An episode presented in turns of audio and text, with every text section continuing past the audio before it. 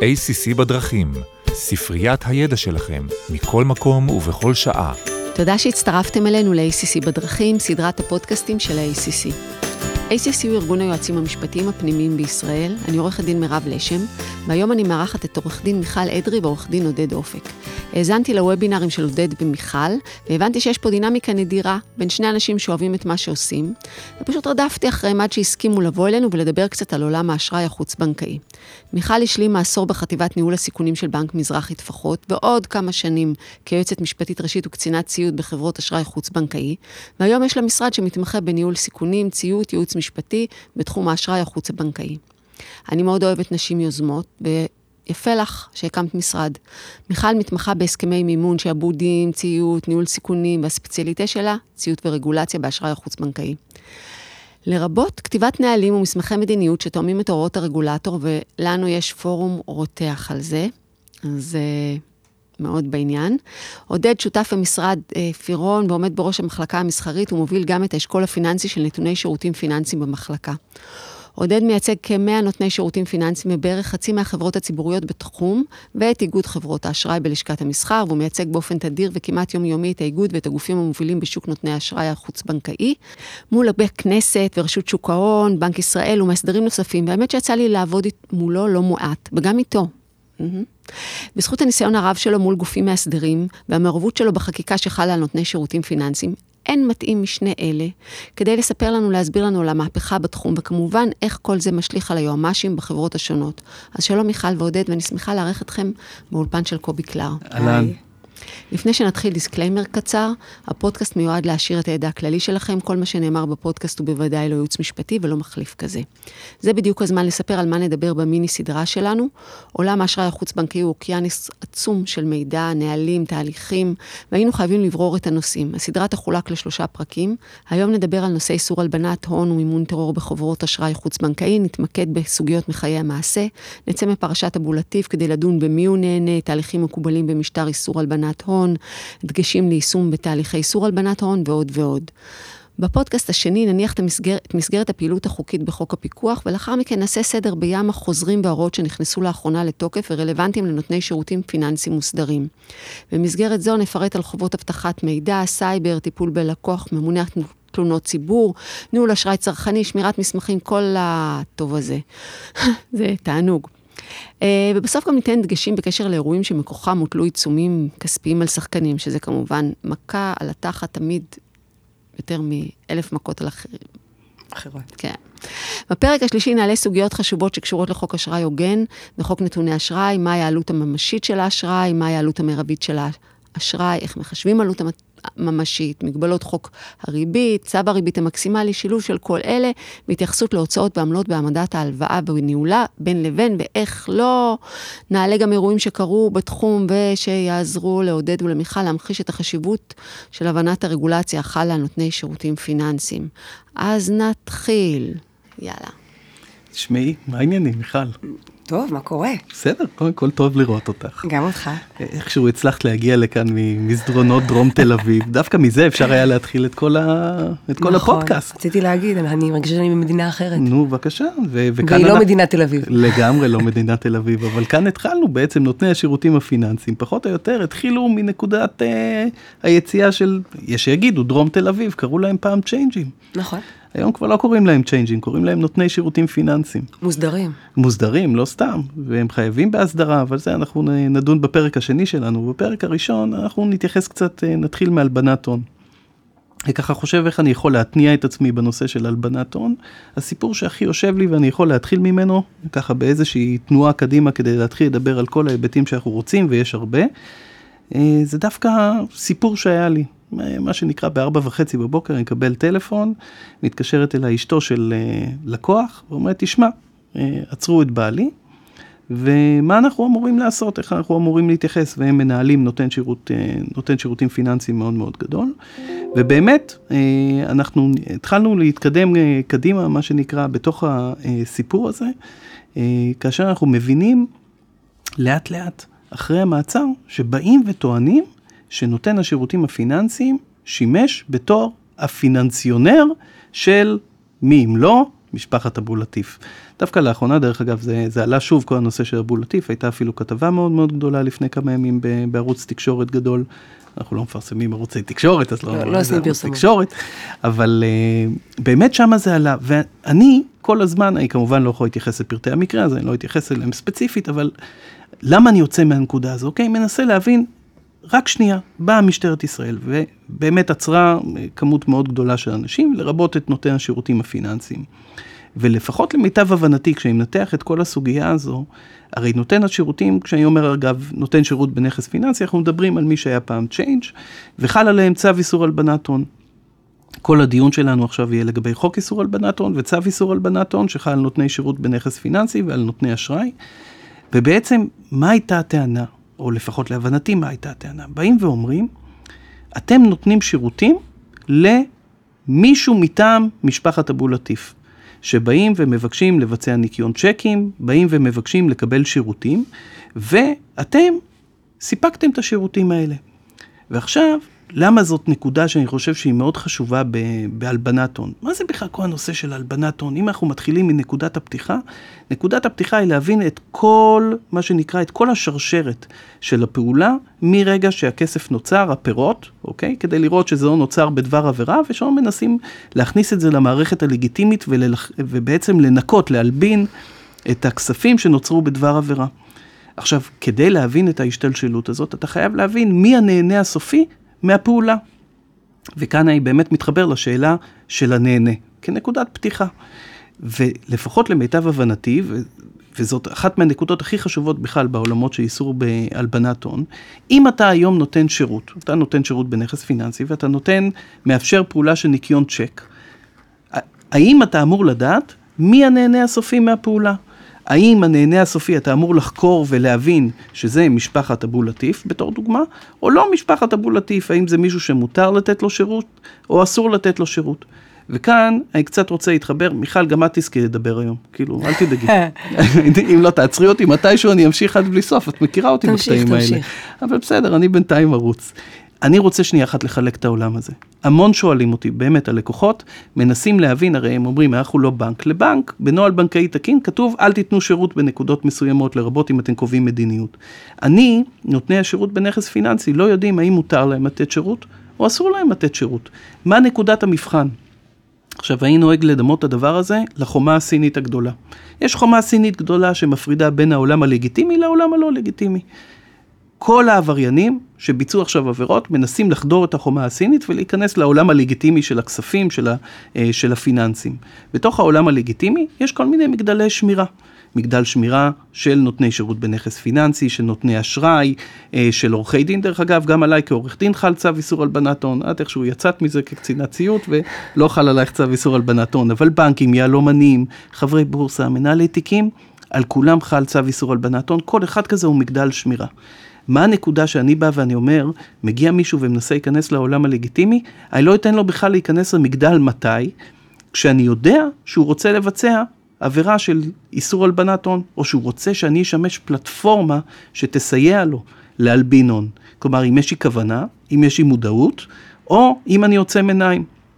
מה הכוונה עוצם עיניים? בא מישהו, ניקח את הדוגמה הכי פשוטה, בא מישהו עם שק של כסף, ומחזיק את זה על הגב וכתוב על שק הכסף בנק הפועלים. והוא אומר, אתה יכול בבקשה לתת לי שירות של, אה, מה שנקרא, לתת לי שירות לבצע עבורי פעולות? ואני אומר, אני לא יכול, זה ברור שהרגע גנבת את זה מבנק הפועלים. אז כאן אני עצמי, כל אחד מאיתנו, חשוף לעבירה של איסור הלבנת הון. אבל נניח שזה לא קורה, ובדרך כלל הדברים האלה לא קורים. אם אין... עצימת עיניים ואין כוונה או מודעות, אני מאפשר לו להיכנס למגדל. ואז חלות עליי החובות של צו איסור הלבנת הון. החובות האוניברסליות, כן? כן. מה הכוונה? חובה אוניברסלית שקודם כל אני צריך לקבוע מדיניות איסור הלבנת הון, שתהיה לי מדיניות מוסדרת. במסגרת המדיניות הזאת אני יכול לקבוע מי יקבל שירות, מי לא יקבל שירות, איך יקבל שירות ובאיזה אופן. אחר כך אני צריך לבצע הכרת לקוח, זיהוי, אימות, אני צריך uh, כמובן לבדוק ברשימות הטרור, אני uh, מדווח דיווח רגיל, דיווחים בלתי רגילים, וכמובן אני מבקר ומנטר את הפעולה uh, אחרי האירוע הזה. כל עוד אני טכנית קיימתי את מה שאני מחויב לעשות, אני מבחינת הצו הייתי בסדר. כמובן שאני פועל באופן סביר וכיוצא בזה. אבל כאן אני כבר חשוף לעיצומים כספיים, אם חס וחלילה עשיתי משהו לא בסדר, אני לא חשוף פלילית אם עברתי עבירה. לא רק, אתה חשוף גם לסיכון מוניטין. מה שאתה אומר, הכל נכון מבחינה משפטית. אם אתה הולך בצורה יבשה לחוק ולצו, אתה באמת צריך להכיר את ה... הכר את הלקוח, כשמו כן הוא, את הלקוח שלך, לכתוב מדיניות, לכתוב נהלים. אני חושבת, גם כמי שמייעצת לחברות בתחום הציות וגם למי שמכהנת כקצינת ציות, כל חברה צריכה להכיר את החולשות שלה בתחום של איסור הלבנת הון ואימון טרור. אה, עסק שעושה העברות מטח הוא לא כמו עסק שעושה ניקיון צ'קים, ולא כמו עסק שנותן הלוואות לליסינג, ואני אסביר. עסק שעושה אה, העברות מטח לחו"ל, בוודאי שלא יכול להסתפק ברשימות שהצו מבקש, שזה רשימות ישראליות של ארגוני טרור. ברור שעדיף לו גם לבדוק רשימות בינלאומיות. זה הרי... אה, עוד פעם, כשאני אומרת עדיף, למה הכוונה? מבחינתי קצין ציות הוא גם, חוץ ממנהל סיכוני הציות של החברה, הוא גם מנהל סיכוני המוניטין של החברה. וכשקורה משהו כמו פרשת אבו לטיף, יכול להיות שמבחינה משפטית הוא היה בסדר, הוא בדק את הלקוח, היה להם מדיניות כמו שצריך, היה להם נהלים כמו שצריך. ואז הם פנו אליך ואתה תייצג אותם, וכמו שאני מכירה אותך, אותך אתה ודאי תוציא אותם מהתסבוכת הזאת, אבל עד שזה יקרה, הם כבר ספגו הפסדים, כבר המוניטין שלהם נפגע כעסק, המוניטין של בעל השליטה כבר נפגע כאדם פרטי, המשפחה עצמה ברמה האישית עוברת דברים לא נעימים, ולכן אני חושבת שקצין הציות, התפקיד שלו הוא הרבה מעבר לזה החוק, זה הוראה, ככה אני עושה. ובדוגמה שנתתי מקודם, חברה שנותנת הלוואות לליסינג, זה בסדר אם היא תבדוק רק את הלקוח, ולמה? ממילא הם מעבירים את הכסף ישירות לרכישת הרכב. אין לה כסף איפה לטייל, זאת מין מערכת סגורה. חברה שעוסקת בניקיון צ'קים, ששם זה הכי חמקמק. החוק מחייב אותי לבדוק נכון את הלקוח, אבל מאחורי הלקוח יש מושך. והצ'קית יכול להתגלגל כמה פעמים, מי כמוך יודע, יש מוטבים, ואנחנו יכולים לגלגל את זה שלוש פעמים, ויש צ'יינג'ים, חלקם אולי עם רישיון, חלקם בלי רישיון. זה הרבה יותר מסובך ברמה הזאת של איסור הלבנת הון ואימון טרור. ולכן פה הייתי ממליצה, דווקא בחברה מהסוג הזה, שהמדיניות תהיה קצת יותר נוקשה בהיבט הזה. מה זה אומר? על אף שהחוק לא מחייב אותי לבדוק מושכים, אני מציעה לפחות ברמה המדגמית, וזה גם מה שדורשים הרבה בנקים היום, כן לבדוק אה, כמות מסוימת של המושכים שלך, כדי לדעת האם עבירות שקורות מאחורי הקלעים עולות למעלה אליך לעסק. עכשיו שוב פעם, האם אתה חייב? התשובה היא לא. האם מומלץ לעשות את זה? חד משמעית כן, ואנחנו רואים ש... אנחנו נדבר על זה גם בפודקאסט הבא, שכל החברות אה, לניקיון צ'קים, הבורסאיות, הבורסאיות יותר קל לדבר עליהן כי זה חשוף יותר, שחטפו מכות גדולות, זה קרה בגלל הגלגולים האלה. יכול להיות שנושאי המשרה היו בסדר גמור, אבל עצרו לא מספיק בזמן. הבדיקות שלהם נעצרו באמצע הדרך. עכשיו אני בטוחה שאתה כעורך דין, מהצד המשפטי, יכול לחלוק עליי ולהגיד לי, הלו, יש גבול. אז... זה מה שהחוק מבקש ממני, זה מה שאני עושה. האמת שבדיוק לזה אני רוצה להתחבר, כשאת אומרת יש גבול, אני שנייה אחת מנסה לשרטט את קו הגבול. אני כמשפטן חייב להגדיר גבול. כקצינת ציות, את מן הסתם תקחי את הגבול הזה, ומשם את בעצם תבצעי את פעולות הציות, או את, ה, את הפעולות שיבטיחו שאת פועלת אה, בצורה נאותה. איפה את חותכת באמת את קו הגבול הזה, מיכל? כלומר, באים עכשיו... את בא מבקש שירות, מקבל שירות, ואומר, תקשיב, אני רוצה לקבל מכם שירות. איזה בדיקות את עושה? מה, מה מבחינתך יניח את הדעת? זה הכל תלוי בסוג העסק. אם פונה אליי חברה שעוסקת בניקיון צ'קים, באזורים גיאוגרפיים מסוימים שהם קצת יותר מסוכנים, ואני רואה את ההתנהלות מסוימת, כלומר, איך העסק, שזה זה לא אומר שחברה מסוימת היא פחות בסדר מחברה אחרת, זה אומר שהפוקוס שלי, כשאני כותבת להם מסמך מדיניות, כשאני מכינה להם צ'קליסט לקבל, לקבלת לקוח, זה יהיה צ'קליסט שונה. אה, ובדוגמה שלנו, בחברה לניקיון צ'קים, אני אשאל למשל, אה, אני אעשה בדיקות בגוגל מעמיקות יותר, אני אבדוק תוכנות משפטיות, אני אבדוק אם... עכשיו, אני גם רוצה לציין משהו חשוב. זה נשמע כאילו זה רק בדיקות ציות. אבל בדרך, כשאני עושה דיו דיליג'נס כל כך מקיף בציות, זה ברור שגם ברמה החיתומית, הכלכלית, אני עולה, אני עולה לרמה גבוהה יותר. כי ברגע שאני בודקת על בן אדם, ואני מבינה שבעבר הוא היה פושט רגל, או שהוא פושט רגל היום, והוא משתמש באשתו לצורך הקמת העסק, אז אני גם לא יודעת כמה אני אראה מהם את הכסף בסוף. אני חושבת שלא נכון, הרבה פעמים לבעלי שליטה או לבעלי עסק, יש מין רתיעה מקצין ציות. הוא בא והוא לא יאשר לי לעשות עסקאות. אז פעם אחת אני אומרת, אתה צריך אחד כזה בעסק, כי עדיף להפסיד כמה עסקאות ולשמור על העסק לאורך זמן, ומעבר לזה, הוא יגיד לך הרבה ברמה החיתומית. בטח בטח בניקיון צ'קים שמתגלגלים לאורך זמן, כמה שאתה מגדיל את שרשרת הבדיקה שלך בצורה רחבה יותר, החיתום שלך טוב יותר, ברמה הכלכלית. אם אני מתייחסת ליועמ"שים שלנו, אז אני, ואני לוקחת ממה שאתם אומרים, זה דיון מאוד מאוד מעניין. אני אומרת, בחלק הקשה יותר, המיקוד הוא על ה... ב... כשאתה עושה את ה-know your customer, אתה הולך על ה-customer ואתה לא בודק את הנהנה הסופי, זה החובות שלך. בחר ויש לך את התחום הרך יותר, אתה רוצה למוניטין, אתה רוצה גם לעזרה לחיתום, להכל, אז כדאי שגם ההדרכות של העובדים וגם כל המדיניות שלך תהיה מכוונת ל- להשיג קצת יותר. אבל כשאתה בא לייצג לקוח ואתה רוצה להגיד לו מה הקו הגבול שלך, לכניסה לאזור הסטרילי, אז זה לא אחת החובות שלך. אז נכון, מירב, זה, זאת. הבחנה נכונה, אה, אבל אני גם מתחבר מאוד למה שמיכל את אמרת, כי בסופו של יום, אנחנו גם יכולים לראות את זה ב Unet Credit. אפשר להגיד על Unet Credit הרבה מאוד דברים. אה, רק לאחרונה פורסם שיש הקלטה של אה, מי שהיה השר כחלון, שבא והיה מודע לחלוטין למה שהתרחש בתוך החברה. אני חושב שמיכל מנסה לבוא ולהגיד, מי שרוצה לשחק במשר... במגרש של הגדולים, ואנחנו כבר לא רק בדרום תל אביב. אנחנו עכשיו במשר... באמת במגרש של הגדולים. הם מחזיקים ברישיון. אתה לא יכול להסתפק רק בלעשות מה שמצופה ממך שתעשה. אתה חייב להפעיל את הראש, אתה חייב שקצין הציות יהיה יצירתי, יחשוב מעבר רק לבסיס. אה, אה, ובכלל זה, לדוגמה לגבי הנושא של הנהנה. בסופו של יום באים ואומרים, תבינו מי הנהנה הסופי. אל תסתפקו בלטמון את הראש בחול ולהגיד, אוקיי, אמר לי שהנהנה הוא איקס, נסתפק בזה. תבדוק, תשאל, ת, תניח אה, אה, אה, מתוך כלל הדברים, תנסה להבין האם באמת יכול להיות נהנה אחר ממה שחשבת, וכאן המדרג כבר עולה. כי משטרת ישראל, או לא משנה, היחידות החוקרות כבר לא מסתפקות בזה. הן באות ואומרות, היית צריך לדעת.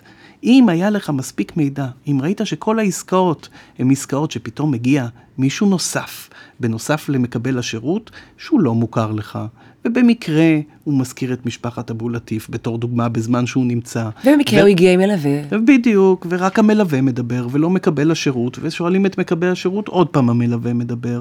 אלה אינדיקציות טיפולוגיות, טיפוסיות, שאתה אמור להבין מזה, תקשיב, יש כאן דגל אדום, דווח דיווח בלתי רגיל, זה ברור, כי דיווח בלתי רגיל זה בעצם בא להראות מה יהיה האירוע הבלתי רגיל ביחס לאירועים הרגילים שאתה מכיר, אם מהלקוח הספציפי, מלקוח מאותו סוג של הלקוח, מכלל הלקוחות שלך, או בכלל מלקוחות ב- ב- בתחום הפעילות. אז זה אמור להצביע לך על האירוע הבלתי רגיל. אבל אם. זה חוזר ונשנה, פתאום כבר מייצרים פה מדרגה שהיא קצת יותר גבוהה. לא רק דיווחים בלתי רגילים, יכול להיות שאנחנו נבוא ונגיד, you should have known, היית צריך לדעת. אז אם אני מתרגמת את זה לכלל של יועמ"שים, אז אני אומרת, אתה בעיקרון לא צריך לדעת מי הנהנה, אבל אם זה בא לתוך הפרצוף שלך ויש לך מלא סימני אזהרה, זה כבר לא, לא תעמוד לך ההגנה הזאת, אז כדאי שבכל זאת תעשה איזה ש... יש עבודה מעמיקה כן, יותר. אני רק מחדד, נקודה אחת, אתה חייב לדעת מי הנהנה, אבל לא, בהתאם ברור. למה שאומרים לך. נכון, כן. לא, אבל אם אתה חושב שזה לא באמת הנהנה. נכון. או, אז יש לך כמה דגלים, נכון. אז יש גבול לכמה, בסוף אתה מגיע לעצימת עיניים. נכון. אגב, בכלל, אנחנו, גם מיכל וגם אני, כשאנחנו בעצם חשבנו על מה אנחנו נדבר בפודקאסט, זה היום לא רק נותני שירותים בנכס פיננסי או נותני שירותי אשראי, היום, ברגע שכבר מוצאים שיש איזשהו קושי, פתאום זה גם מתחבר לשימוש במזומן, ופתאום זה מתחבר לעסקה. אם אתה לא מבין את המהות של העסקה, או שהעסקה doesn't make sense, או ש-it makes sense בקושי, מצפים ממך להתחיל ש... לשאול שאלות. אנחנו לעצמנו חשבנו על חברה שבכלל נותנת שירותי ליסינג מימוני, ולא החזיקה ברישיון למתן אשראי, ונערכה עליה פשיטה של משטרת ישראל, ובאו ואמרו, אחד, הייתם חייבים רישיון, איך אין לכם רישיון? אבל חוץ מזה הם באו ופתאום התחילו לשאול שאלות, איך אפשרתם, אחרי שמישהו רוכש רכב, שהרכב עדיין יהיה רשום על שמכם ולא על שמו, איך לא דאגתם להעביר את הכסף, או איך העברתם את הכסף לצד ג' בלי לשאול שאלות. כל הדברים האלה מקבלים פתאום איזושהי תפנית. היום, גם מיכל, ומיכל תסכימי איתי כקצינת ציות, ואני מניח שתוכלי לצאת מהקטע המשפטי, ולבוא ולהגיד, תקשיבו, תתרשמו, שיהיה לכם את התרשומות הרלוונטיות. תיעוד זה שם ותקבלו- המשחק. תיעוד זה שם תניחו את. דעתכם, תניחו את דעתכם לגבי כל ההיבטים האלה, וגם כאן, אם אני שנייה אחת רוצה לתת איזושהי עצה, ועוד שנייה, מיכל, אני מקווה שתתחברי אליי בקטע הציותי, רק לאחרונה, אה, רשות שוק ההון, ביטוח וחיסכון פרסמה שאלות ותשובות, והאמת שהם, אה, לצערי, לא קיבלו את עמדתי, אני חייב לומר.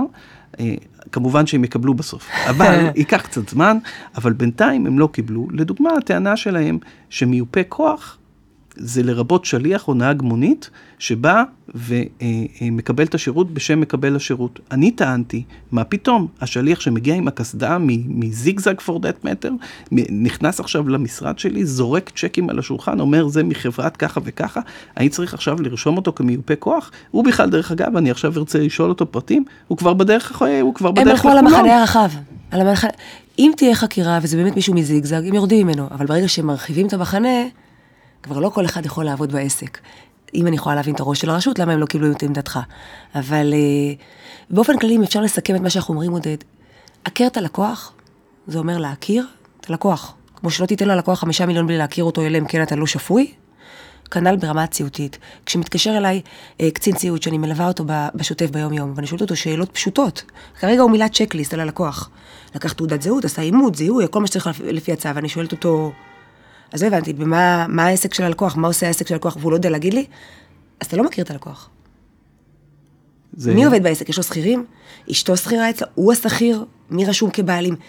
בעיניי זה דברים בסיסיים, אנחנו הולכים לתת לבן אדם הזה שירות, כסף, מהחברה. זה דברים בסיסיים, להבין אותם. הכר את הלקוח כשמו כן הוא. צריך להכיר את הלקוח. אם אני שנייה אחת צריך לתת ככה כמה עצות מעשיות, אה, עכשיו שאני חושב על אה, מה שנקרא מקבל שירות או יועץ משפטי אה, בחברה שמקבלת שירות, איך הם מצריכים להתנהל. אחד, לקבוע מדיניות איסור הלבנת הון שמיישבת את כל הדברים שאמרנו. שתיים, תקשורת, קומיוניקציה בתוך הארגון, גם בין מערך החיתום, גם במערך, אה, מה שנקרא, אה, מערך ההפצה, מערך החיתום, המערך התפעולי, שהם מעבירים את המידע אחד אל מול השני כדי ללמוד על העסקה ולראות שהם באמת הבינו את העסקה ואת ההיבטים השונים שלה. לא הבנת את העסקה? תעצור. יש אירוע בלתי רגיל? תעצור, תרימו דגל, כמובן תתייחסו לדגלים האדומים אה, שרשות לאיסור להלבנת הון פרסמה. אם זה נמצא באזור המסוכן שאתה יכולים להגיד שידעת, לא להתקרב לזה, לא לבצע בכלל את העסקה. גם לקבוע במדיניות איסור הלבנת ההון, אנחנו לא נבצע את העסקאות XYZ. לקחת את מה שאמרתי על השליח ועל נהג גט טקסי וללמוד מזה. ביום הדין רוצים לראות שאתה את השרשרת ידעת מתחילתה ועד סופה. לא ידעת, דמך בראשך. וצריך להבין את זה, כי הרבה מתייחסים לזה בביטול. וגם לזכור שצריך לקחת בחשבון את השליח ואת הנהג רק אה, לצורך העניין הזה. אז ככה שאלה דגשים ועוד משהו ביום שלי. הדין, הנושא של התיעוד, הוא מאוד מאוד חשוב. ביום הדין, תאמינו לי, אתם לא תזכרו מי היה, איך קוראים לשליח ומי היה מלווה. תיעוד זה, זה קריטי, והדבר האחרון שאני רוצה להגיד, והוא הכי חשוב לדעתי מכל מה שאמרנו, זה התרבות הארגונית. קצין ציות הוא לא האיש הרע, הוא האיש הטוב. הוא, גם אם היום הוא עושה משהו אה, אה, שבעיני איש המכירות הוא רע, כי הוא הורס לו עסקה, לאורך זמן הוא בא לשמור על החברה. אה, וחברות שהתרבות הארגונית שלהם היא מקדמת את, את ה... אה, הם רואים את הקצין ציות כמישהו שבא לשמור עליהם ולקדם אותם ולעשות טוב לחברה, גם לאורך זמן מחזיקות מעמד יותר טוב, והן נקיות במרכאות, יותר מחברות שהקצין ציות הוא גורם מפריע, והוא פה כדי להרוס לנו עסקאות. רואים מס... את זה בסוף. אני מסכים, אני חייב להגיד מילה על זה. וכאן אני מדבר דווקא לא רק ליועצים המשפטיים, אלא גם למנכ"לים ולמנהלי החברות. יש נטייה להסתכל על הקצין ציות כגורם המפריע בחברה. צריך לתת לו את המקום שלו כדי שהוא יוכל להיות בלתי תלוי ועצמאי, כי אם הוא לא בלתי תלוי ועצמאי, אז הוא גם לא יעמוד לטובת החברה או לזכות החברה ביום הדין. בדיוק. כי לא יתייחסו אליו כגורם שבאמת יכל לקבל החלטות, אלא כגורם שקיבל הנחתות. בדיוק. ולכן צריך לתת לו את הכוח האמיתי באמת לקבל את ההחלטות ולהיות בלתי תלוי. ואז אגב, כולם אוכלים אותה. הוא אכל אותה שהוא קיבל הנחתה ולא הפעיל שיקול דעת, וזה שהפיל עליו את ההנחתה, ברגע שלקצין ציות יש שיקול דעת, זה שומר גם על זה שהפיל את ההנחתה. כלומר, זה איזשהו מין מעגל שבסוף הוא לא טוב לאף אחד. זאת תהיה הנקודה שאנחנו נסיים את הפודקאסט, ואני חושבת שבאמת אה, זה סגר לנו מעגל, יועמ"שים שלנו לא צריך לשכנע על קצין ציות, אנחנו אוכלים ושותים את זה. חלקם הם גם וגם. כל, כן. כן, אבל אה, אה, גם אה, היה מצוין שחידדנו את הנקודה של מה צריך לעשות, וגם השרשרת. אה, עם התיעוד זה משהו ששומר, כי זה רשומה גם, בסופו של דבר זאת רשומה, אם אתה תיעדת אונליין זה מגן עליך, אז זה תמיד טוב. וככה יש לנו ממש פרומו לפרק הבא, שבו אנחנו נדבר על כל ההסדרה וכל הרגולציה שמחכה לנו. אז אה, תודה רבה. תודה. ונפגש.